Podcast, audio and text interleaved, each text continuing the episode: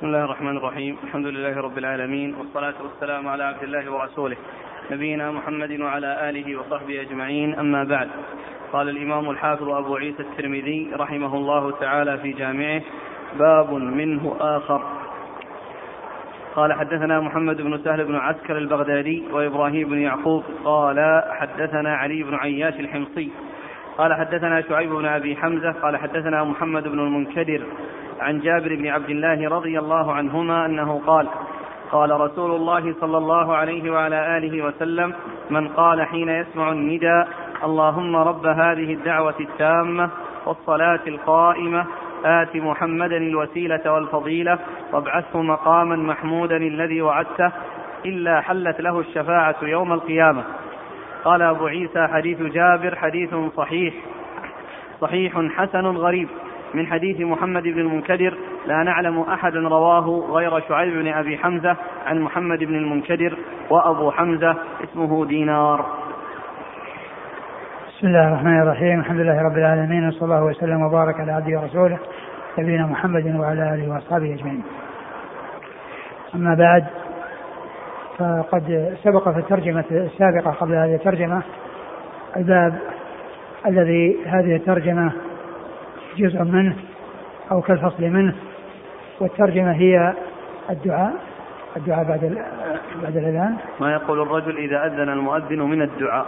ما يقول الرجل إذا أذن المؤذن من الدعاء؟ ما يقوله من الدعاء إذا أذن المؤذن؟ آه يعني هذا غير هذه غير الترجمة السابقة التي أنه يقول مثل ما يقول المؤذن لأن هذاك يقول مثله وأما هذا دعاء مستقل. دعاء مستقل عندما ينتهي من الأذان يأتي بدعاء وهو اللهم رب هذه الدعوة التامة والصلاة القائمة هات محمد الوسيلة والفضيلة وبعث مقام محمود الذي وعدته. هذا يكون بعد الفراغ من الأذان وبعد انتهاء من الأذان يدعو بهذا الدعاء. وقال باب منه لأنه بمثابة الفصل من الباب الذي قبله. لأن الباب الذي قبله يتعلق بذكر خاص وهو يعني عند الشهادة أو عند لا إله إلا الله فسواء كان ذلك في النهاية أو كان في أثناء الكلام عند أشهد أن لا إله إلا الله. ثم أتى بهذا الباب الذي هو منه والذي هو بمثابة الفصل من الذي قبله وهو شيء يتعلق بما يقوله بعد الأذان وبعد الفراغ من الأذان. اللهم رب هذه الدعوة التامة. واللهم هذه آآ آآ معناها يا الله يا الله. وحذف حرف النداء وعوض عنه ميم مشددة في آخره. ولهذا لا يجمع بين العوض والمعوض في هذا. فلا يقال يا اللهم وإنما يقال اللهم أو يا الله. لأن يا لأن الميم في آخر اللهم عوضا عن يا جاءت في آخرها فلا يجمع بين العوض والمعوض. إلا في ضرورة الشعر كما يقول ابن مالك في الألفية و والأكثر اللهم بالتعويض وشذ يا اللهم في قريضي. والأكثر اللهم بالتعويض يعني بكون الميم عوضا عن ياء. وشذ يا اللهم وهي الجمع بين العوض والمعوض. الجمع بين العوض والمعوض في قريض يعني في الشعر. اللهم رب هذه الدعوة التامة والمقصود بذلك النداء. يعني هذا الدعاء للصلاة وهذا الذكر الذي يدعى به الناس إلى الصلاة والصلاة القائمة أي الدائمة المستمرة التي هي في اليوم والليلة خمس مرات. وآت محمدا الوسيلة والفضيلة والوسيلة درجة في الجنة. لا تنبغي إلا لعبد ويقول أرجو أن أكون أناه. والفضيلة يعني وهي المنزلة الرفيعة و و وابعثه مقاما محمودا الذي وعدته أي الشفاعة العظمى التي يشفع فيها للخلائق ويحمده عليها الأولون والآخرون ويحمده عليها الأولون والآخرون لأن الخليقة كلها لأن الخليقة كلها تجتمع في مكان واحد ويموج بعضهم في بعض ويبحثون عن من يشفع لهم إلى ربهم ليخلصهم ليفصل بينهم وليخلصهم مما فيه من شدة الموقف. فيذهبون إلى آدم ويطلبون منه الشفاعة ويعتذر ويحيلهم إلى نوح ثم يعتذر ويحيلهم إلى إبراهيم فيعتذر ويحيلهم إلى موسى فيعتذر ويحيلهم إلى عيسى فيعتذر ثم يحيل عيسى إلى محمد صلى الله عليه وسلم فيقول أنا لها. ثم يتقدم ويسجد لله عز وجل ويفتح الله عليه بمحامد ثم يقال له ارفع وسل تعطى وشاء تشفع. فيشفعه الله عز وجل ويأتي للفصل بين يأتي الله عز وجل للفصل بين عباده وينتهي ذلك الموقف وسمي وسميت هذه الشفاعة المقام المحمود لأنه يحمده عليها الأولون والآخرون. يحمده عليها الأولون والآخرون من لدن آدم إلى الذين قامت عليهم الساعة. يكونون استفادوا من هذه الشفاعة. ولهذا جاء في أول الحديث أنا سيد الناس يوم القيامة. ثم ذكر هذا الحديث أنا سيد الناس يوم القيامة مع أنه صلى الله عليه وسلم سيدهم في الدنيا والآخرة. ولكنه نص على يوم القيامة لأنه اليوم الذي يظهر فيه السؤدد على الجميع. يظهر فيه السؤدد على الجميع. وكل يستفيد من شفاعته. وكل يحتاج إلى هذه الشفاعة. ويحمده عليها الخلائق من أولهم إلى آخرهم لأنهم استفادوا من هذه الشفاعة آه، آه، آه، التي هي المقام المحمود. وقيل له مقام المحمود لأنه يحمد عليه الأولون والآخرون. الذي وعدته في قول عسى أن يبعثك ربك مقاما محمودا إلا حلت له شفاعتي حلت له شفاعتي.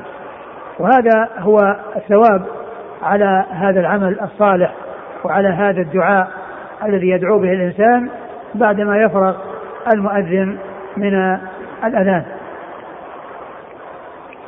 نعم.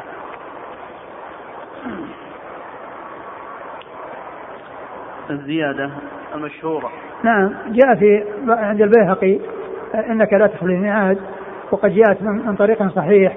وبعض أهل العلم قال إنها يعني لا تعتبر لأنها آه، آه، لم تأتي من طريق أكثر الرواة وبعضهم قال إنها زيادة من ثقة فتكون مقبولة ولكن أكثر الروايات جاءت بدونها فإن اقتصر عليها فيعني لا بأس وإن أتى بها على اعتبار أنها زيادة من ثقة فايضا لا بأس. قال حدثنا محمد بن سهل بن عسكر البغدادي. محمد بن سهل بن عسكر البغدادي ثقة أخرج له. مسلم والترمذي والنسائي. مسلم والترمذي والنسائي. وإبراهيم بن يعقوب. وإبراهيم بن يعقوب الجوزجاني ثقة أخرجه أصحاب كتب الستة. أبو داود والترمذي والنسائي. أبو داود والترمذي والنسائي. عن علي بن عياش. عن علي بن عياش وهو ثقة أخرجه البخاري وأصحاب السنن. عن شعيب بن أبي حمزة. شعيب بن أبي حمزة ثقة أخرجه أصحاب كتب الستة. عن محمد بن المنكدر. عن محمد بن المنكدر ثقة أخرجه أصحاب كتب الستة. عن جابر بن جابر بن عبد الله الأنصاري رضي الله تعالى عنهما وهو أحد السبعة المعروفين بكثرة الحديث عن النبي صلى الله عليه وسلم.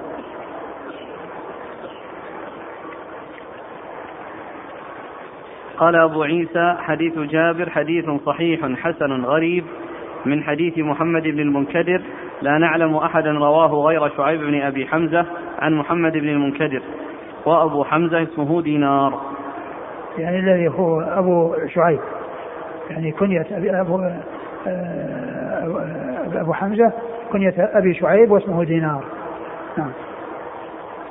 قال رحمه الله تعالى باب ما جاء في أن الدعاء لا يرد بين الأذان والإقامة. قال حدثنا محمود بن غيلان قال حدثنا وكيع وعبد الرزاق وأبو أحمد وأبو نعيم. قال حدثنا محمود بن غيلان قال حدثنا وكيع وعبد الرزاق وأبو أحمد وأبو نعيم. قالوا حدثنا سفيان عن زيد العمي عن أبي إياس معاوية بن قرة عن أنس بن مالك رضي الله عنه أنه قال قال رسول الله صلى الله عليه وآله وسلم الدعاء لا يرد بين الأذان والإقامة. قال أبو عيسى حديث أنس حديث حسن صحيح وقد رواه أبو إسحاق الهمداني عن بريد بن أبي مريم عن أنس عن النبي صلى الله عليه وآله وسلم مثل هذا. ثم ورد أبو عيسى باب الدعاء. الدعاء لا يرد الدعاء لا يرد بين الأذان والإقامة. وهذا فيه أن من أوقات الدعاء أن يكون في يعني بين الأذان والإقامة. يعني من من الأوقات التي التي يقبل فيها الدعاء أن يكون بين الأذان والإقامة. وذلك أن الإنسان آه، يعني يحضر المسجد ويجلس ينتظر الصلاة فيدعو في ذلك الوقت وهو وقد جاء في الحديث أنه في صلاة ما انتظر الصلاة فهذا وقت فاضل وزمن فاضل آه، من أوقات قبول الدعاء ولكنه كما هو معلوم لا بد من أن يكون آه، قبول الدعاء حصل حصلت الأسباب وانتفت الموانع. ومنها كما جاء في الأحاديث ألا يعني يكون الإنسان غافلا لاهيا أو ساهيا ويدعو ولا أن يكون متلبسا بأكل الحرام كما جاء في حديث أبي هريرة آه أن الله طيب لا يقول إلا طيبا. وقال في آخره ثم ذكر الرجل يطيل السفر أشعث أغبر يمد يديه إلى السماء يا رب يا رب ومطعمه حرام ومشربه حرام ولباسه حرام. وغذي بالحرام فأنا يستجاب له. فهذا من أسباب عدم قبول الدعاء. وعلى هذا فهذا الوقت أو هذا الزمن الذي بين الأذان والإقامة من أوقات إجابة الدعاء وهو دال على فضل الدعاء في ذلك الوقت لأنه من أوقات آه، الإجابة. قال حدثنا محمود بن غيلان. محمود بن غيلان ثقة أخرجه أصحاب الكتب الستة إلا أبا داود. عن وكيع وكيع بن الجراح الرؤاسي الكوفي ثقة أخرجه أصحاب الكتب الستة. عبد الرزاق عبد الرزاق بن همام الصنعاني ثقة أخرجه أصحاب الكتب الستة. وأبي أحمد وأبي أحمد محمد بن عبد الله الزبيري ثقة أخرجه أصحاب الكتب الستة. وأبو نعيم وأبو نعيم الفضل بن دكين ثقة أخرجه أصحاب الكتب الستة. قالوا حدثنا سفيان. سفيان هو الثوري سفيان بن سعيد المسروق الثوري ثقة فقيه أخرجه أصحاب الكتب الستة. عن زيد العمي. عن زيد العمي وهو صدوق. ضعيف أخرجه أصحاب السنن. وهو ضعيف وهو ضعيف أخرج له أصحاب السنن. عن أبي إياس معاوية بن قرة. ويقال أن تسميته العمي أو نسبته إلى العمي لأنه كان إذا سئل قال حتى أسأل عمي فقيل له العمي. و أخرجه أصحاب السنن. نعم. ضعيف أخرجه أصحاب السنن. عن أبي إياس معاوية بن قرة. عن أبي إياس معاوية بن قرة هو ثقة أخرج له. أصحاب الكتب. أصحاب الكتب الستة. عن أنس. عن أنس رضي الله عنه خادم رسول الله صلى الله عليه وسلم وأحد السبعة المعروفين بكثرة الحديث عن النبي صلى الله عليه وسلم ثم ذكر الترمذي آه، طريقا أخرى هي شاهدة لهذه الطريق أو فيها متابعة لهذه الطريق فقال رواه أبو إسحاق الحمداني أبو اسحاق الحمداني هو عمرو بن عمرو بن عبد الله الحمداني السبيعي ثقة أخرجه أصحاب كتب الستة. عن بريد بن أبي مريم. عن بريد بن أبي مريم وهو ثقة أخرج البخاري في المفرد وأصحاب السنن. ثقة أخرجه البخاري في المفرد وأصحاب السنن. عن أنس. عن أنس رضي الله عنه.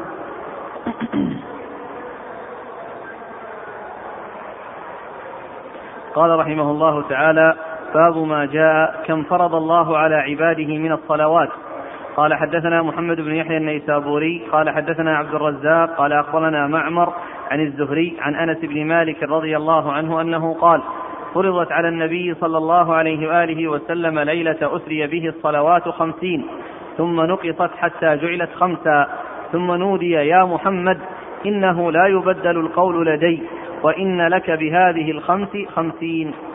قال وفي الباب عن عبادة بن الصامت وطلحة بن عبيد الله وأبي ذر وأبي قتادة ومالك بن صعصعة وأبي سعيد الخدري رضي الله عنهم. قال أبو عيسى حديث أنس حديث حسن صحيح غريب. ثم رد أبو عيسى ترجم باب كم فرض الله على رسول صلى الله عليه وسلم من الصلوات؟ على عباده. على عباده من الصلوات. كم فرض الله على عباده من الصلوات.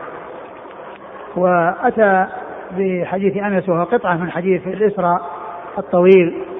وفيه أن الله تعالى فرض عليه خمسين صلاة وهو في السماء. لما ليلة المعراج. لما عرج به إلى السماء فرض عليه خمسين فرض الله عليه خمسين صلاة. وهذا يدل على عظم شأن الصلاة لأنه فرض فرضت رسول الله صلى الله عليه وسلم بالسماء فوق السماوات السبع. وكلمه الله عز وجل. وصار النبي صلى الله عليه وسلم كليم الرحمن كما كان موسى كليم الرحمن. فرض الله عليه خمسين صلاة. و ولما فرضت عليه استسلم وانقاد. ولم يراجع.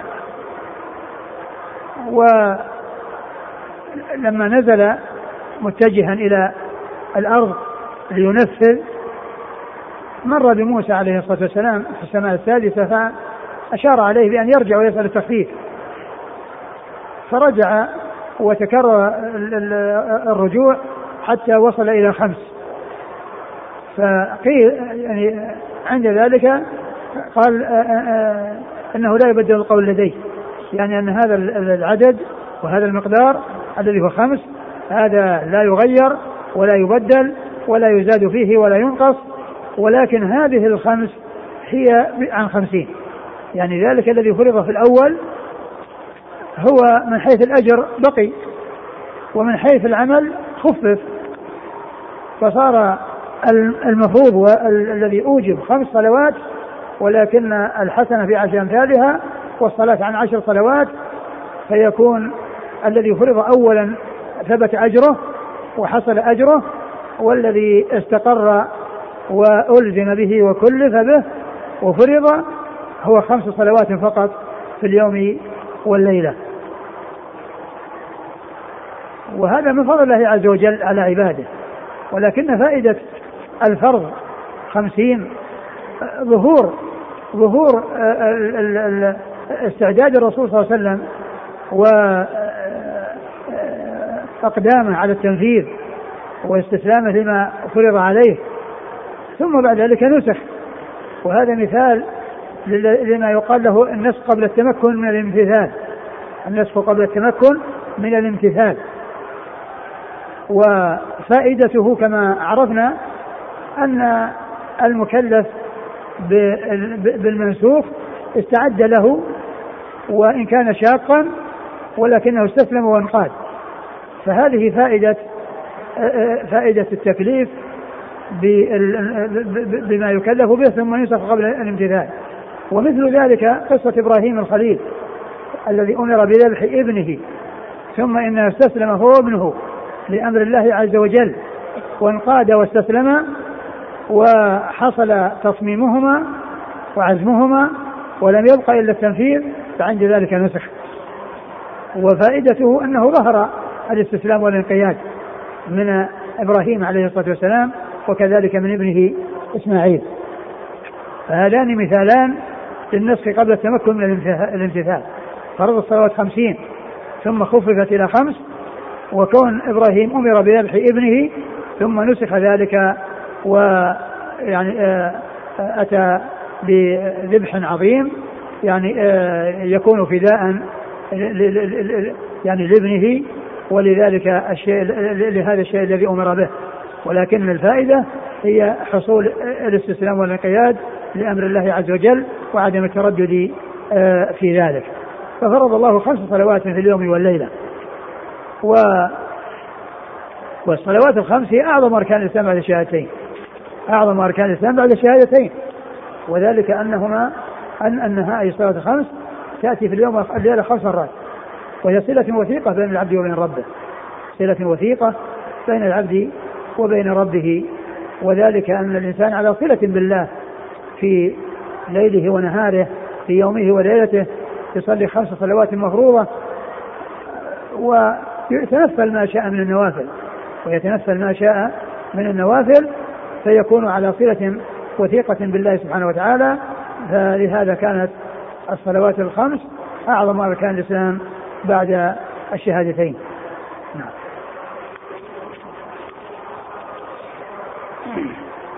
فرضت عن أنس رضي الله عنه قال فرضت على النبي صلى الله عليه وسلم ليلة أسري به الصلوات خمسين. ثم نقصت حتى جعلت خمسة ثم نودي يا محمد إنه لا يبدل القول لدي وإن لك بهذه الخمس خمسين. لا يبدل القول لدي بالنسبة للخمس للخمس. يعني هذه يعني آه، كتب الله أنها يكلف بها وأنها تنفذ ويعني لا تزاد ولا تنقص. هل في هذا دليل على أن القدر لا يحصل فيه تغيير؟ القدر يعني كما هو معلوم ما كتبه الله في اللوح المحفوظ لا يغير ولا يبدل. لا يغير ولا يبدل. ما كتبه الله المحفوظ لا تغيير فيه ولا تبديل. وقد كتب الله أن أن هذه الأمة آه، آه، تكلف بخمس صلوات في اليوم والليلة وهو دال على أن القدر لا تبديل تغيير فيه ولا تبديل. وأما ما جاء في قوله عز وجل يمحو الله ما يشاء ويثبت فهذا ليس من هذا القبيل.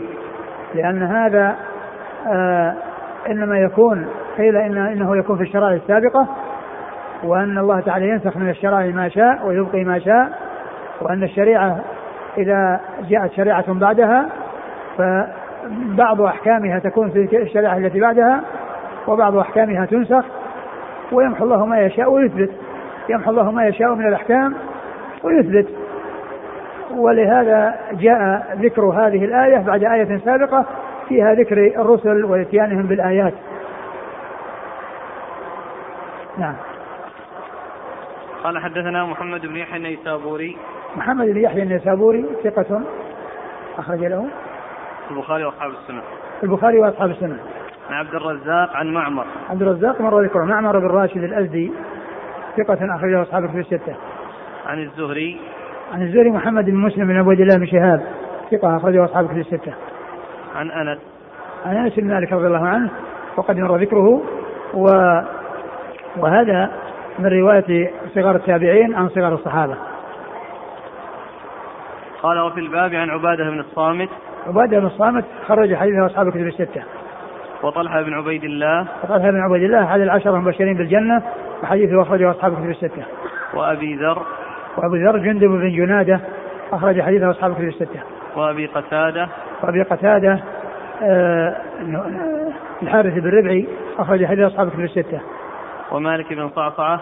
ومالك بن صعصعة أخرج حديثه البخاري ومسلم والترمذي والنسائي. البخاري ومسلم والترمذي والنسائي. وأبي سعيد الخدري. وأبو سعيد الخدري أحد السبعة المعروفين. بكثرة الحديث عن النبي صلى الله عليه وسلم. قال أبو عيسى حديث أنس حديث حسن صحيح غريب.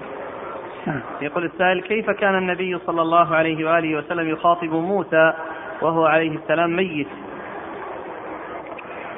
معلوم أن موسى وغيره من الأنبياء هم في قبورهم ولكن الذي آه، رآه النبي صلى الله عليه وسلم في الإسراء أرواحهم في صور أجسادهم. أرواحهم في صور أجسادهم. وأما أجسادهم فهي في القبور ولا تخرج من القبور إلا عند البعث حيث تنشق عن أصحابها. وقد قال النبي صلى الله عليه وسلم أنا أول من ينشق عنه القبر يوم القيامة. فإذا حصل النفخ في الصور النفخة الثانية انشقت القبور وخرج من كان فيها. لهذا قال ثم إنكم يوم القيامة تبعثون يعني يبعثون من قبورهم. ولكن الذي رآه هو الأرواح في صور الأجساد. قال رحمه الله تعالى باب ما جاء في فضل الصلوات الخمس. قال حدثنا علي بن حجر قال أخبرنا إسماعيل بن جعفر عن العلاء بن عبد الرحمن عن أبيه عن أبي هريرة رضي الله عنه أن رسول الله صلى الله عليه وآله وسلم قال الصلوات الخمس والجمعة إلى الجمعة كفارات لما بينهن ما لم تغش الكبائر. ثم ورد أبو عيسى فضل الصلوات الخمس وذلك أن أن أن كل صلاة يكفر بها ما بينها وبين الصلاة التي قبلها وذلك بالنسبة للنوافل بالنسبة للصغائر. وأما الكبائر فإنها لا تكفر إلا بالتوبة أو برحمة الله عز وجل ومغفرته. إذا مات الإنسان من غير توبة فأمره إلى الله عز وجل. وأما من تاب فإن الله تعالى يتوب على من تاب والتائب من الذنب كمن لا ذنب له. ومن مات على غير توبة فإن أمره إلى الله عز وجل إن شاء عفى عنه ولم يعذبه وإن شاء عذبه. ولكنه إذا عذبه فإنه آه، لا يخلده في النار لأنه لا يخلد في النار إلا الكفار الذين هم أهل النار. وأما من دخلها وهو من أهل الإيمان بسبب المعاصي فإنه يخرج منها. ولهذا أهل السنة والجماعة وسط في أصحاب الكبائر بين المرجئة المفرطين وبين المعتزلة والخوارج المفرطين لأن لأن المرجئة قصروا وأهملوا وأولئك غلوا وأفرطوا وتجاوزوا الحدود. وأهل السنة والجماعة توسطوا بين هؤلاء وهؤلاء. فالمرجئة عندهم لا يضر مع الإيمان ذنب كما لا ينفع مع الكفر طاعة. والناس كلهم مؤمنون كامل الإيمان. كلهم مؤمنون كامل الإيمان لا فرق بينهم. ويقابل هؤلاء وهؤلاء غلبوا جانب الوعد وأهملوا جانب الوعيد. غلبوا جانب الوعد وأهملوا جانب الوعيد. ويقابلهم الخوارج المعتزلة الذين أهملوا جانب الوعد وغلبوا جانب الوعيد. فجعلوا مرتكب الكبيرة خالدا مخلدا في النار. والخوارج حكموا بكفره في الدنيا والمعتزلة قالوا إنه خرج من الإيمان ولم يصل في الكفر. فهو في منزلة بين المنزلتين. وأما في الآخرة فهم متفقون على تخليده في على تخليده في النار. وأنه لا فرق بينه وبين الكفار. وأهل السنة والجماعة توسطوا بين هؤلاء وهؤلاء. فقالوا المؤمن مرتكب الكبيرة مؤمن بإيمانه فاسق بكبيرته. فلا يعطى الإيمان المطلق الذي هو الإيمان الكامل كما تعطيه المرجئة ولا يسلب مطلق الإيمان كما تسلبه إياه الخوارج والمعتزلة. بل هو مؤمن ناقص الإيمان. مؤمن بإيمانه فاسق بكبيرته. مؤمن بإيمانه فاسق بكبيرته.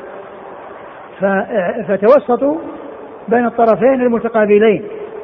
المفرطين والمفرطين. الغالين والمقصرين. فهم وسط بين هؤلاء وهؤلاء. فالذنوب فالصلوات والاعمال الصالحة هي تكفر تكفر الصغائر. وأما الكبائر فإنه يكفرها التوبة وإذا مات الإنسان من غير توبة فأمره إلى الله عز وجل إن شاء عذبه وإن شاء عفى عنه. الصلوات الخمس والجمعة إلى الجمعة. يعني كل صلاة بينها وبين في قبلها وكذلك ما بين الجمعة والجمعة. الكفائر الكبائر الكفائر الصغائر تكفر والكبائر أمرها إلى الله عز وجل إن مات الإنسان من غير توبة وإن تاب منها فإنه يتوب الله عليه وكذلك ما في معنى هذا الحديث من الأحاديث التي فيها التكفير, التكفير بالأعمال الصالحة فإنه مقيد باجتناب الكبائر نعم. قال حدثنا علي بن حجر علي بن حجر ثقة أخرجه البخاري ومسلم والترمذي والنسائي. من إسماعيل بن جعفر. إسماعيل بن جعفر ثقة أخرجه أصحاب الكتب الستة. عن العلاء بن عبد الرحمن. عن العلاء بن عبد الرحمن الحرقي وهو صديق أخرجه البخاري في جزء القراءة ومسلم وأصحاب السنن. عن أبيه. وأبوه ثقة أخرجه البخاري في جزء القراءة ومسلم وأصحاب السنن. عن أبي هريرة. عن أبي هريرة عبد الرحمن بن صخر الدوسي صاحب رسول الله صلى الله عليه وسلم وأكثر أصحابه حديثا. وفي الباب عن جابر. جابر بن عبد الله مر ذكره. وأنس وأنس مر ذكره. وحنظله الأسيدي. وحنظله الأسيدي أخرج حديثه. مسلم والترمذي والنسائي وابن ماجه. مسلم والترمذي والنسائي وابن ماجه. قال أبو عيسى حديث أبي هريرة حديث حسن صحيح.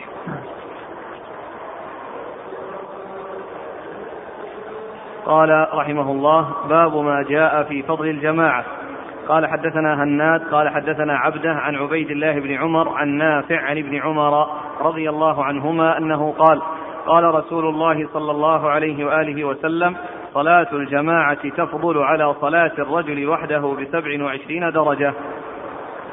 ثم ورد أبو عيسى باب في فضل الجماعة وأورد في حديث ابن عمر صلاة الجماعة تفضل على صلاة الفذ بسبع وعشرين درجة. وفي حديث آخر آه، عن عدد من الصحابة بخمسة وعشرين جزءا خمسة وعشرين جزءا. وقيل أن معنى ذلك أنها يعني أن من صلى جماعة كأنه صلى 27 ومن صلى وحده صلى صلاة واحدة. فإنه صلى صلاة واحدة. فهذا يحصل الأجر مرة وهذا يحصله آه، مضاعفا 27 مرة. 27 مرة. وهذا يدل على فضل صلاة الجماعة. وأن الإنسان عليه أن يحرص عليها حتى لا يفوته هذا الفضل. وفي هذا دليل على صحة صلاة الفرد إذا صلى من غير جماعة ولكنه يأثم إذا ترك الجماعة. يأثم إذا ترك الجماعة بالأحاديث الدالة على وجوب الجماعة وعلى حصول الإثم لمن حصل منه التخلف عنها. و والحديث كما كما هو واضح واضح في فضل صلاة الجماعة وأن وأن من صلى وحده فصلاته صحيحة ولكنه آثم لترك الجماعة. صلاته صحيحة ولكنه آثم لترك الجماعة وقد فاته ذلك الخير العظيم وذلك الفضل الكبير نعم. قال حدثنا هناد هناد بن السري ثقة أخرجه البخاري في خلق أفعال العباد ومسلم وأصحاب السنة. عن عبدة عبد بن سليمان ثقة أخرجه أصحاب الكتب الستة. عن عبيد الله بن عمر. عبيد الله بن عمر العمري ثقة أخرجه أصحاب الكتب الستة. عن نافع. نافع مولى بن عمر ثقة أخرجه أصحاب الكتب الستة. عن ابن عمر. عبد الله بن عمر رضي الله تعالى عنهما وهو أحد العباد الأربعة من الصحابة وأحد السبعة المعروفين بكثرة الحديث عن النبي صلى الله عليه وسلم قال وفي الباب عن عبد الله بن مسعود عبد الله بن مسعود الهذلي أخرج حديثه أصحاب الكتب الستة. وأبي بن كعب. أبي بن كعب أخرج حديث أصحاب الكتب الستة. ومعاذ بن جبل. معاذ بن جبل أخرج حديث أصحاب الكتب الستة. وأبو سعيد وأبو هريرة. وأبو سعيد وأبو هريرة. وأنس. مر ذكرهما وأنس كذلك مر ذكره. قال أبو عيسى حديث ابن عمر حديث حسن صحيح. نعم.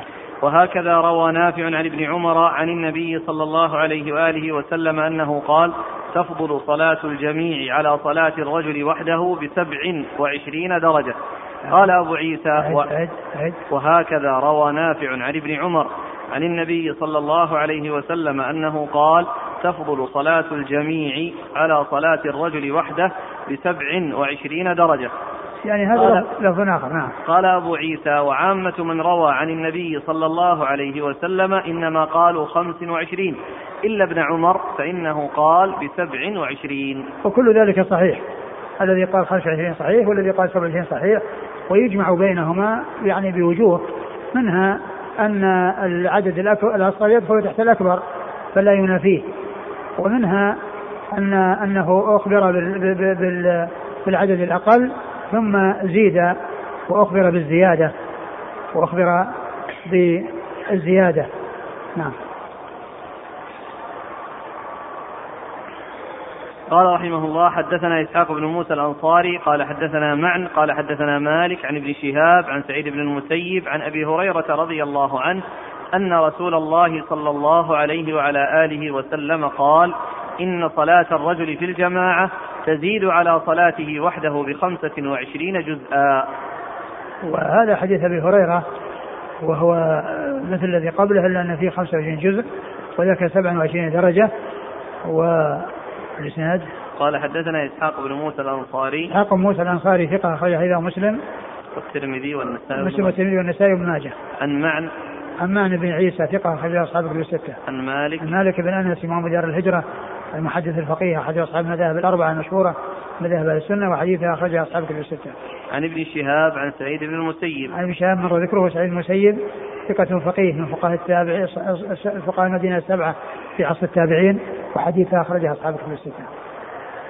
عن أبي هريرة نعم. قال أبو عيسى هذا حديث حسن صحيح قال رحمه الله تعالى باب ما جاء في من يسمع النداء فلا يجيب قال حدثنا هناد قال حدثنا وكيع عن جعفر بن برقان عن يزيد بن الأصم عن أبي هريرة رضي الله عنه عن النبي صلى الله عليه وعلى آله وسلم أنه قال لقد هممت أن آمر فتيتي أن يجمعوا حزم حطب حزم الحطب ثم آمر بالصلاة فتقام ثم أحرق على أقوام لا يشهدون الصلاة. ثم ورد وعيسى هذه الترجمة وهي باب في من يسمع النداء, النداء فلا يجيب. يعني أنه آثم ومستحق من العقوبة. وقد أورد فيه حديث أبي هريرة أن النبي صلى الله عليه وسلم قال قد هممت أن آمر بفتيتي أن أن يجمعوا حزما من حطب. ثم أخالف إلى رجال لا يشهدون الصلاة وأحرق عليهم بيوتهم. فهذا يدل على وجوب صلاة الجماعة وأنها واجبة. وأن النبي صلى الله عليه وسلم هم بهذه العقوبة الشديدة وترك وجاء في بعض الروايات أنه لما فيها من النساء والذرية الذين لا تجب عليهم الجماعة ولكن مجرد هذا الهم من رسول الله صلى الله عليه وسلم بهذه العقوبة الشديدة يدل على خطورة تلك المعصية وعلى أنها خطيرة وأن هذه العقوبة التي آه، هم بها رسول الله صلى الله عليه وسلم تدل على خطورتها وعلى أن شأن الجماعة عظيم وأنها واجبة وأن الإنسان عليه أن يحرص على المبادرة إليها وهذا هو معنى حي على الصلاة حي على الفلاح لأن المقصود من ذلك أن يأتي الناس إلى المساجد. وقد جاءت أحاديث تدل على وجوبها منها ما جاء في قصة ابن أم مكتوم الذي سأل النبي صلى الله عليه وسلم أن يتخلف عن الصلاة لأنه ليس له قائد يلائمه فقال هل تسمع النداء قال نعم؟ قال فأجب. وكذلك حديث أثقل الصلاة عن المنافقين صلاة العشاء وصلاة الفجر فلا يعلمون فيهما لا توهما ولو حبوا. فكل هذه النصوص تدل على وجوب صلاة الجماعة. وهذا الحديث الذي معنا يدل على وجوبها وأن الذي يتخلف عنها آثم وإن كانت صلاته صحيحة. وبعض أهل العلم قال إن صلاته لا تصح وجعل الجماعة شرطا في الصلاة. لكن الصحيح هو التوسط. بين من قال إنها شرط لا تصح الصلاة إلا بالجماعة ومن قال إنها سنة وأن الإنسان لا يؤاخذ إذا تركها بل القول الحق هو الوسط بين هذا وهذا وهو أنها واجبة وأنه يثاب فاعلها ويعاقب تاركها ولكن من صلى في بيته فصلاته صحيحة وإن كان آثما. نعم. قال حدثنا هناد عن وكيع عن جعفر بن برقان. جعفر بن برقان هو؟ صدوق خرج البخاري المفرد ومسلم وأصحاب السنن. صدوق خرج البخاري المفرد ومسلم وأصحاب السنن. عن يزيد بن الأصم. يزيد بن الأصم وهو وهو ثقة أخرج له. المفرد ومسلم وأصحاب السنن. البخاري في المفرد ومسلم وأصحاب السنن. عن أبي هريرة. عن أبي هريرة نعم. قال أبو عيسى وفي الباب عن عبد الله بن مسعود وأبي الدرداء. أبو الدرداء آه، صحابي أخرجه أصحابه في الستة. وابن عباس. وابن عباس أحد العباد الأربعة وأحد السبعة المعروفين بكثرة الحديث. ومعاذ بن أنس. ومعاذ بن أنس أخرج حديثه. البخاري في المفرد وأبو داود والترمذي وابن ماجه. البخاري في المفرد وأبو داود والترمذي وابن ماجه. وجابر. وجابر مر ذكره. قال أبو عيسى حديث أبي هريرة حديث حسن صحيح وقد روي عن غير واحد من أصحاب النبي صلى الله عليه وسلم أنهم قالوا من سمع النداء فلم يجب فلا صلاة له. وقد روي عن غير واحد من أصحاب النبي صلى الله عليه وسلم أنهم قالوا من سمع النداء فلم يجب فلا صلاة له. وهذا المقصود يعني أنها أن يعني يعني على التغليظ وعلى أنه آثم. وأما من ناحية أن أن أن أنه حصل منه الإجزاء وأنه آه، آه، وجدت منه الصلاة ولم يكن تاركا لها فإن هذا قد حصل. ولكن ترك أمرا واجبا وهو الإتيان بها في المساجد والذي آه يعني آه آه يكون العقوبة الشديدة هي بتركها مطلقة وأما إذا تركها جماعة فإنه آثم ولكنه ولكنه قد صلى وصلاته صحيحة نعم. وقال بعض أهل العلم هذا على التغليظ والتشديد ولا رخصة لأحد في ترك الجماعة إلا من عذر. نعم. قال مجاهد وسئل ابن عباس رضي الله عنهما عن رجل يصوم النهار ويقوم الليل لا يشهد جمعة ولا جماعة. قال هو في النار. وهذا يعني في إسناده ضعف. ومعلوم أن أنه يستحق النار يعني لأن من من حصلت منه المعصية مستحق للنار من حصلت منه المعصية مستحق للنار ولكنها ولكن صلاته صحيحة إذا صلى وحده ولم يصلي جماعة فصلاته صحيحة ويكون أدى الفرض الذي فرضه الله عليه ولكنه تركه على وجه واجب وهو الاتيان به جماعة في حق الرجال دون النساء والصبيان. قال قال حدثنا بذلك هناد قال حدثنا المحاربي. هناد مر ذكره المحاربي هو عبد الرحمن. بن محمد. عبد الرحمن محمد وهو لا بأس به لا بأس به أخرج له. أصحاب الكتب. أخرج له أصحاب الكتب الستة. عن ليث. عن ليث بن أبي سليم وهو صدوق اختلط ولم يتميز فترك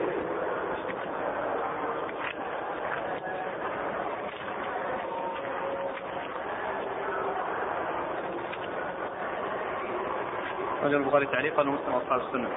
آه، أخرج البخاري تعليقا ومسلم وأصحاب السنة. عن مجاهد عن مجاهد بن جبر المكي ثقة أخرج أصحاب كتب الستة. عن ابن عباس. عن ابن عباس مر ذكره. قال ومعنى الحديث ألا يشهد الجماعة والجمعة رغبة عنها واستخفافا بحقها وتهاونا بها. ألا يشهد ألا يشهد ألا يشهد الجماعة والجمعة رغبة عنها واستخفافا بحقها وتهاونا بها. يعني أن هذا هو الذي قالوا أنه لا صلاة له. لا صلاة له. والذي قال أنه في النار يعني من الحديث أنه في النار. يعني من يكون كذلك؟ هو الذي يستحق النار. ولا شك أن أن أنه ترك أمرا واجبا يستحق النار ولكن أمره إلى الله عز وجل.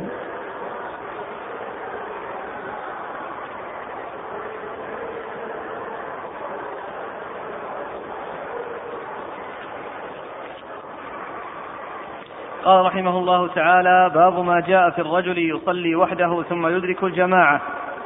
قال حدثنا أحمد بن منيع قال حدثنا هشيم قال أخبرنا يعلى بن عطاء قال حدثنا جابر بن يزيد بن الأسود العامري عن أبيه رضي الله عنه أنه قال شهدت مع النبي صلى الله عليه وسلم حجته فصليت معه صلاة الصبح في مسجد الخيف قال فلما قضى صلاته وانحرف إذا هو برجلين في أخرى القوم لم يصليا معه. فقال علي بهما فجيء بهما ترعد, تر ترعد فرائصهما. فقال ما منعكما أن تصليا معنا؟ فقال يا رسول الله إنا كنا قد صلينا في رحالنا. قال فلا تفعلا. إذا صليتما في رحالكما ثم أتيتما مسجد جماعة فصليا معهم فإنها لكما نافلة. ثم ورد أبو عيسى باب في الرجل يصلي وحده ثم يدرك الجماعة. نعم. ثم يدرك الجماعة أي أنه فإنه يصلي معها فإنه يصلي مع الجماعة في المسجد. وهذه الصلاة الثانية تكون نافلة والأولى هي الفريضة. لأن الإنسان أول ما دخل دخل يؤدي الفرض. ثم إنه آه، شرع له أن يصلي مع الجماعة في المسجد إذا أدركها. وإن كان قد صلى فتكون له نافلة. ولا يكون في المسجد جالسا والناس يصلون. وإن كان قد صلى بل عليه أن يصلي مع الناس. ولكن الفريضة هي الأولى والنافلة هي الثانية التي مع الجماعة. وقد أورد أبو سعيد حديث يزيد يزيد بن الأسود. يزيد بن الأسود رضي الله عنه أنه كان آه كان آه ليش كان شهدت مع النبي صلى الله عليه وسلم حجته فصليت معه صلاة الصبح. شهدت مع النبي حجته يعني حجة الوداع يعني حج مع النبي حجة الوداع وشهد معه صلاة الصبح في مسجد الخير. في ميناء وكان جالسا لم يصلي مع الناس لأن لأنه قد صلى. وما كان يعرف أن الإنسان يصلي إذا أدرك الجماعة. فلما سلم النبي صلى الله عليه وسلم من الصلاة وانصرف وإذا هو يعني وإذا يرى يراه. وفي بعض الروايات معه رجل آخر. فدعا يعني بهما ترتعد فرائصهما. لا يدريان إيش الذي حصل بالنسبة لهما وأنه قد حصل يعني قد يكون نزل فيهما شيء يعني آه، في حقهما. فخاف من هذه الدعوة التي دعاهم بها النبي صلى الله عليه وسلم. ترتعد فرائصهما تضطرب تتحرك من الخوف. وهو بين بين ال ال ال يعني بين الجنب والكتف يعني هذا يعني لحمة تتحرك يعني من الدابة وكذلك من الإنسان. يعني عندما يحصل عنده خوف واضطراب وفزع فأتي بهما ترتعد فرائصهما فقال فقال ما منعكما أن تصليا معنا؟ فقال يا رسول الله إنا كنا قد صلينا في رحالنا. ما منعكما أن تصليا معنا؟ قال إنا صلينا في رحالنا. يعني الأماكن اللي كانوا ساكنين فيها. وهذا لا يعني أنهم لم يصلوا جماعة. لأن كما هو معلوم الناس في منى يصلي كل مجموعة مع مع مع بعضهم. و ولما صلوا جاءوا إلى الرسول صلى الله عليه وسلم في الخير ووجدوه يصلي فجلسوا ينتظرون. فالنبي صلى الله عليه وسلم أرشدهما بأنهما إذا صليا قال لا تفعل يعني في المستقبل. يعني لا تفعل في المستقبل يعني مثل هذا الذي فعلتما بل إذا أتيتما والإمام يصلي والجماعة لم تصلي فصليا معه. فصلي معه تكون لكما نافلة. أي الثانية نافلة والأولى هي الفريضة. نعم. حدثنا أحمد بن منيع. أحمد بن منيع أحمد بن منيع ثقة أخرجه أصحاب الكتب الستة. عن هشيم. هشيم بن بشير الواسطي ثقة أخرجه أصحاب الكتب الستة. عن يعلى بن عطاء. يعلى بن عطاء ثقة أخرج له. البخاري في القراءة ومسلم وأصحاب السنة. البخاري في القراءة ومسلم وأصحاب السنة. عن جابر بن يزيد. عن جابر بن يزيد وهو ثقة أخرجه هو صدوق أخرج له أبو داود والترمذي والنسائي. أخرج أبو داود والترمذي والنسائي. عن أبيه. عن أبيه. صحابي. أخرج له أبو داود والترمذي والنسائي. أبو داود والترمذي والنسائي. قال وفي الباب عن محجن الديلي محجن محجن الديلي صحابي أخرج له النسائي. أخرج له النسائي. ويزيد بن عامر. ويزيد بن عامر أخرج له أبو داود. أخرج له أبو داود. قال أبو عيسى حديث يزيد بن الأسود حديث حسن صحيح وهو قول غير واحد من أهل العلم وبه يقول سفيان الثوري والشافعي وأحمد وإسحاق. قالوا إذا صلى الرجل وحده ثم أدرك الجماعة فإنه يعيد الصلوات كلها في الجماعة. إذا صلى وحده أو أدرك أو أو صلى جماعة مثلا مع مع جماعته يعني في يعني في في في, في مكانهم الذي هم فيه ثم أدركوا الجماعة فإنهم يصلون ويكون ذلك للصلوات الخمس كلها يعني أن القضية في صلاة الفجر ومعنى ذلك أن الصلوات الأخرى مثلها مثلها إذا يعني حضر في وقت الظهر أو العصر أو المغرب أو العشاء فإنه مثل ما حصل في الفجر وفي دليل على أن مثل ذلك جائز في وقت النهي يعني بعد الفجر لا صلاة حتى تطلع الشمس. ويكون هذا من قبيل ما استثني لأن النبي صلى الله عليه وسلم أرشده إلى أن يصلي وكانت وكان وقت وقت نهي. فدل على أن صلاة الجماعة الثانية إعادة الجماعة مع الجماعة الحاضرة أن ذلك سائغ وأنه جائز ولو كان في وقت آه، النهي لأن هذا إنما هو في الصلاة في صلاة الفجر. وقد قيل في المغرب أنها أيضا كذلك لكن يشفع يعني بركعة بعد سلام الإمام حتى لا يكون يعني آه يعني صلاها يعني نافلة وترا نعم.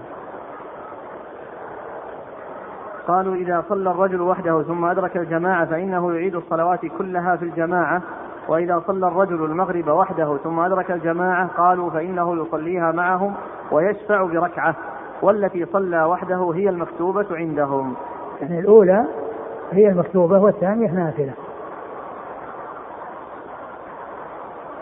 وبه يقول سفيان الثوري سفيان بن سعيد مسروق الثوري ثقة فقيه أخرج أصحاب في الستة والشافعي والشافعي محمد بن إدريس الشافعي الإمام الفقيه المحدث أحد أصحاب المذاهب الأربعة المشهورة من مذاهب السنة وحديث أخرجه البخاري تعليقا ومسلم البخاري تعليقا وأصحاب السنة.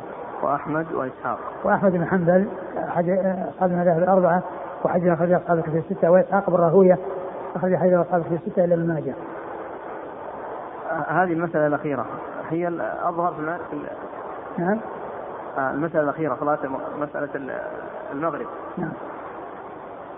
يعني هذا القول له ما يسنده الشفع والله ما ما نعلم ما نعلم إلا من ناحية انه إنه يعني لا يتطوع ب بالوتر.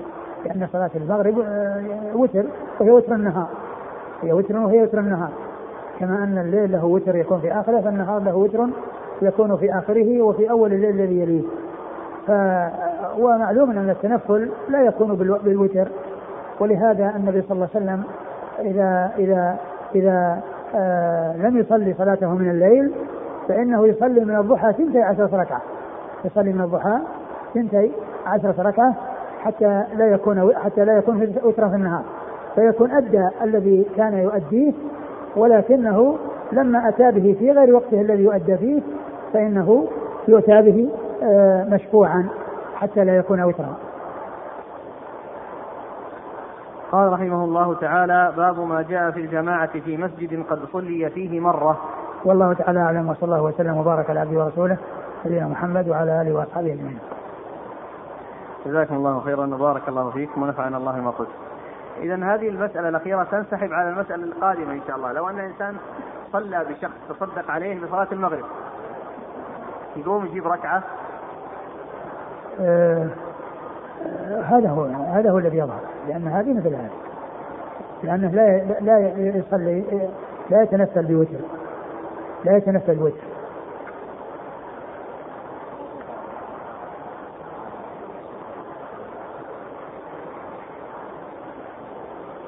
شاف الوتر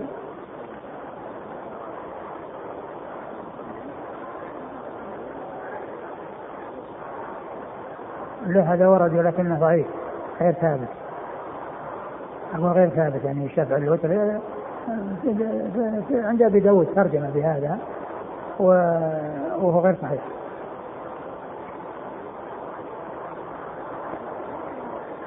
لا موقوف.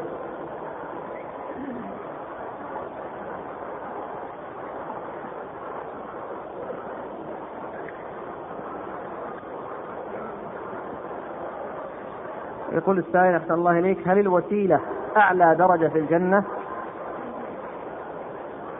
هو الرسول صلى الله عليه وسلم قال فيها أنها منزلة في الجنة لا تنبغي إلا لعبد وأرجو أن أن يكون له ويبدو أنها على شيء يعني قال لا ينبغي أن تكون لعبد يعني معنى ذلك أنه آه لا يكون فيها غيره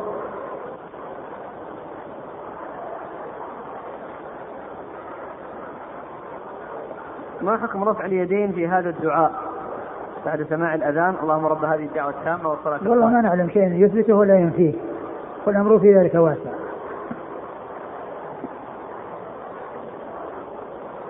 الدعاء بين الأذان والإقامة هل يشرع يشرع فيه رفع اليدين؟ هو من هذا القبيل. لا نعلم شيئا يثبته ولا ينفيه و... و... و... والأصل أن, في... أن ذلك واسع. لأن رفع اليدين له ثلاث حالات. رفع اليدين له ثلاث حالات. حالات ورد فيها رفع اليدين مثل الدعاء بعرفة والدعاء على الصفا والمروة والدعاء عند الجمرات الأولى والثانية في أيام التشريق هذه ورد فيها رفع اليدين فترفع الأيدي. ومواضع ما ورد فيها رفع اليدين كالدعاء بعد الصلاة المكتوبة فإن النبي صلى الله عليه وسلم هو إمام المسلمين يصلي بهم ولا ولا. ولم يصلي مأموما عليه الصلاة والسلام بل هو دائما هو الإمام الذي يصلي بالناس ومع ذلك لم ينقل عنه أنه آه، رفع يديه بعد الصلاة وكذلك في خطبة الجمعة أيضا يعني لم ينقل عنه أنه رفع يديه بعد الصلاة بل جاء عن بعض الصحابة أنه أنكر على من رفع يديه لأن النبي صلى الله عليه وسلم ما كان يفعل ذلك فمثل هذا لا ترفع فيه الأيدي والنوع الثالث الذي ليس من هذا ولا من هذا. وهذا من جنس الدعاء بين الأذان والإقامة. فإنه ما جاء شيء لا على هذا ولا على هذا فإن رفع يديه له ذلك وإن لم يرفع فلا بأس.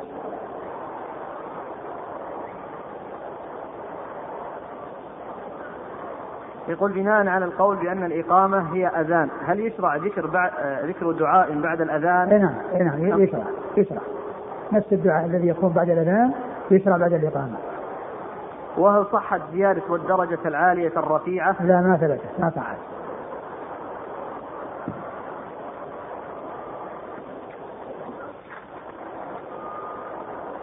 هذه هاتان فائدتان فيما سبق بالأمس مسألة الإنصات المؤذن ومسألة وأنا أشهد أن لا إله إلا الله وأن محمدا عبده ورسوله أين نعم. محلها؟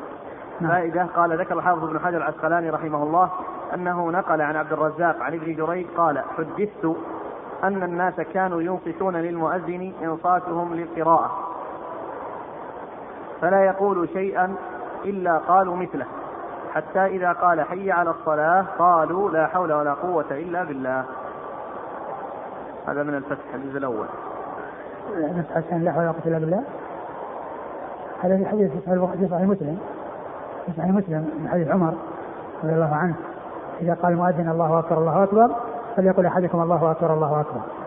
فإذا ثم استمر حتى جاء فإذا قال حي على الصلاة فليقل لا حول ولا قوة إلا بالله.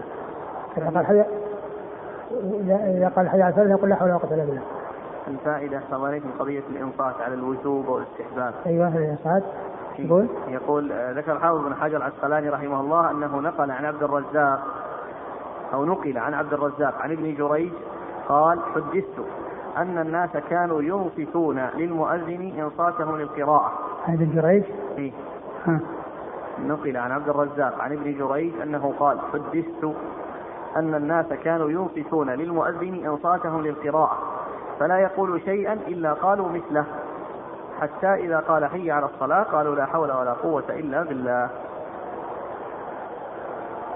فهل يؤخذ منه أن هدي السلف كانوا يعني يقولون بوجوب الزاد خلف المؤذن لأنهم ينصتون للمؤذن إنصاتهم للقراءة فلا يقولون شيئا. لا بس هو الآن يعني قال حدثته يعني ما ذكر من حدثه. أستاذ هو إيه، الفائدة الثانية في مسألة وأنا أشهد أن لا إله إلا الله. أين موضعها؟ قال حافظ ابن حجر العسقلاني رحمه الله قوله حدثنا هشام هو الدستوائي ويحيى هو ابن أبي كثير ابن أبي كثير قوله أنه سمع معاوية يوما فقال مثله إلى قوله وأشهد أن محمدا رسول الله. هكذا أورد المتن هنا مختصرا. وقد رواه أبو داود الطيالسي في مسنده عن هشام ولفظه كنا سمى أو كنا سمى. معاوية. كنا وتم ما يمكن يمكن وتم معاوية. سقطت الواو. كنا وتم معاوية فنادى المنادي بالصلاة. فقال مثل ما قال ثم قال هكذا سمعت نبيكم. ثم قال البخاري حدثنا إسحاق قال أنبأنا وهب بن جرير قال حدثنا هشام عن يحيى نحوه. قال يحيى وحدثني بعض إخواننا أنه لما قال حي على الصلاة قال لا حول ولا قوة إلا بالله. وقال هكذا سمعت نبيكم يقول انتهى. فحال بقوله نحوه على الذي قبله وقد عرفت أنه لم يسق لفظه. لم يسق لفظه كله. وقد وقع لنا هذا الحديث من طرق عن هشام المذكور تاما. منها للإسماعيلي من طرق من طريق معاذ بن هشام عن أبيه. عن يحيى قال حدثنا محمد بن إبراهيم قال حدثنا عيسى بن طلحة قال دخلنا على معاوية فنادى مناد بالصلاة فقال الله أكبر الله أكبر. فقال معاوية الله أكبر الله أكبر. فقال أشهد أن لا إله إلا الله فقال معاوية وأنا أشهد أن لا إله إلا الله. فقال أشهد أن محمدا رسول الله فقال معاوية وأنا أشهد أن محمدا رسول الله. قال يحيى فحدثني صاحب لنا أنه لما قال حي على الصلاة قال لا حول ولا قوة إلا بالله ثم قال هكذا سمعنا نبيكم. انتهى. آه هذا فيما يتعلق بما يجيبه المؤذن. لكن الحديث آه فيه شيء أكثر مما يقول المؤذن الذي مر بنا. يعني قال وأنا أشهد أن لا إله إلا الله وحده لا شريك له وأشهد أن محمدا عبده ورسوله يعني جابها مع بعض جاء بالأمس ذكرتم القولين والإخوة يريدون الاختيار أي قولين؟ أنه منهم من يقول يقول هذا هذا اللفظ أو هذا الدعاء بعد الانتهاء من النداء. والله الذي يبدو أنا قلت أنا قلت يعني ما دام أنه يعني في هذا اللفظ اشهد فالذي يبدو أنه عند الشهاده. وأنا أشهد لأن هذا قال أشهد وقال وأنا أشهد. بعد الشهادتين ولا عند الشهادتين يعني عند الشهادة عند آخرهم يعني أشهد أن لا إله إلا مع بعض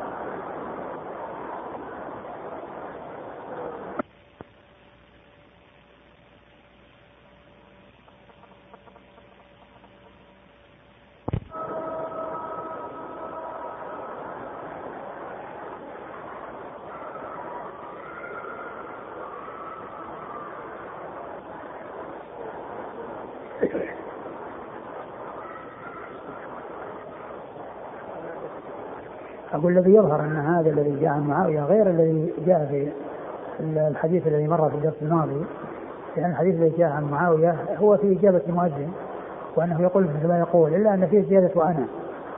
وأما وليس فيه زيادة على ما يقول المؤذن. وأما هذا اللفظ الذي جاء فإنه يقول وأنا أشهد أن لا إله إلا الله وحده لا شريك له وأشهد أن محمدا عبده ورسوله. فهو يعني دعاء متصل. فهذا الذي يبدو أنه يتابع بعد الشهادتين. يقول مثل ما يقول المؤذن أشهد أن لا إله إلا الله اشهد ان محمدا رسول الله. وفي الآخر يقول أنا أشهد أن محمدا واشهد أن لا إله إلا الله لا وأشهد أن محمدا عبده ورسوله.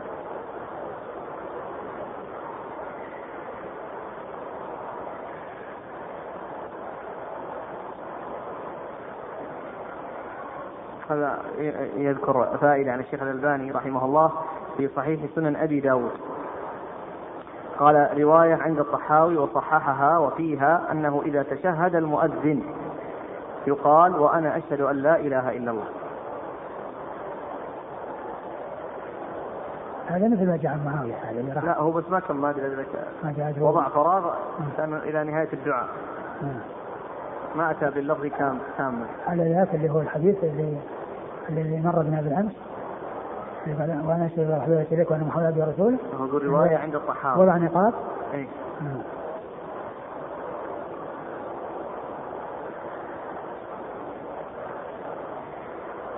بالنسبة لحديث ابن عمر حديث أبي هريرة صلاة الجماعة تفضل على صلاة الفجر ب 27 درجة و 25 درجة. هل من وجوه الجمع أن يقال أن الدرجة تختلف عن الجزء؟ ف 27 جزء و 25 درجة. أو 25 جزء و27 درجة. ما أدري يعني هو هو هو الشارح ذكر ثلاث وجوه. نقلا عن النووي في شرح مسلم. آه ثاني منها آه ما ذكرته. والثالث شوف وش الثالث؟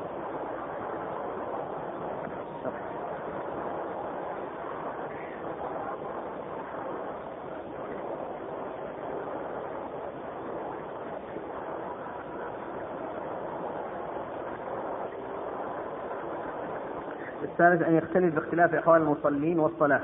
فيكون لبعضهم 25 ولبعضهم 27 بحسب كمال الصلاة ومحافظته على هيئاتها وخشوعها وكثرة جماعتها وفضلهم وشرف البقعة ونحو ذلك. قال فهذه هي الأجوبة المعتمدة. انتهى. وقد ذكر الحافظ في الفتح وجوها أخرى لجمع بين الروايتين من شاء الاطلاع عليها فليرجع إليه. يقول هذا معنى السؤال تكرر. هل المراد بالجماعة في فضل صلاة الجماعة هي الجماعة التي في المسجد أو مطلق الجماعة؟ لا الجماعة وهل الذي وهل الذي يصلي جماعة في بيته مع أهله وولده ينال هذا الفضل؟ الجماعة هي في المسجد وليست في البيوت.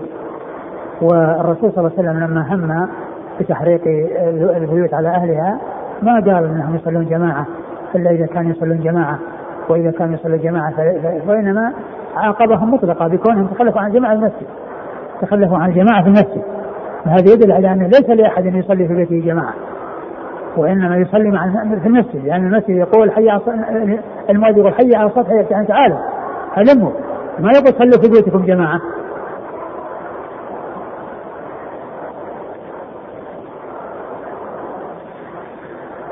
يقول السائل فضيلة الشيخ نحن طلبة معهد الحرم المسجد النبوي ينتهي دوام الدراسة عندنا مع أذان الظهر وعندنا أولاد صغار في المدارس بنين وبنات وعندما نجلس للصلاة نكون في انشغال شديد عليهم لأن المدرسين يذهبون ويكون هناك خطورة على الأطفال فهل هذه ضرورة لخروجنا المدرسين يذهبون؟ مدرس المدارس اللي يدرسون الابتدائي اي نعم إيه. آه ويكون هناك خطورة على الأطفال. فهل هذه ضرورة لخروجنا مع الأذان أو بعد الأذان من المسجد النبوي؟ اتفقوا مع المعهد على أنه يخرجهم قبل الأذان. ما دام أن الفرق يعني يسير يعني إذا كان أنه مع الأذان يعني يخصمون خمس دقائق حتى يسلموا من المخالفة.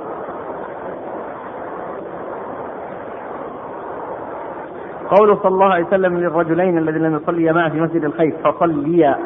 هل يحمل هذا على الوجوب؟ وجوب الصلاة مع الجماعة الثانية في المسجد؟ الذي يبدو يبدو أنه يعني يحمل على الوجوب لأن لأن لأن كون الناس يصلون وناس جالسين هذا فيه يعني يعني منظر سيء وتهمة ويعني ومؤاخذة لأنه يعني شيء يلفت الأنظار الناس يصلون الناس جالسين. هذا شيء مستغرب يستغرب. هل للإنسان في سماع الأذان سماع المؤذن يقول أشهد أن محمد رسول الله؟ يقول أشهد أن محمد رسول الله ويصلي على النبي صلى الله عليه وسلم. والله الذي يبدو أنه يقول مثل ما يقول المؤذن. أشهد أن لا أشهد أن محمد رسول الله كما يقول المؤذن. إذا سمعتم النداء فقولوا مثل ما يقول المؤذن. إذا ظن الشخص أنه لا يدرك الجماعة كأن يقوم والناس يصلون في الركعة الأخيرة هل له أن يذهب إلى المسجد حتى ولو لو تيقن أنه لا يدرك الجماعة أم يصلي في منزله؟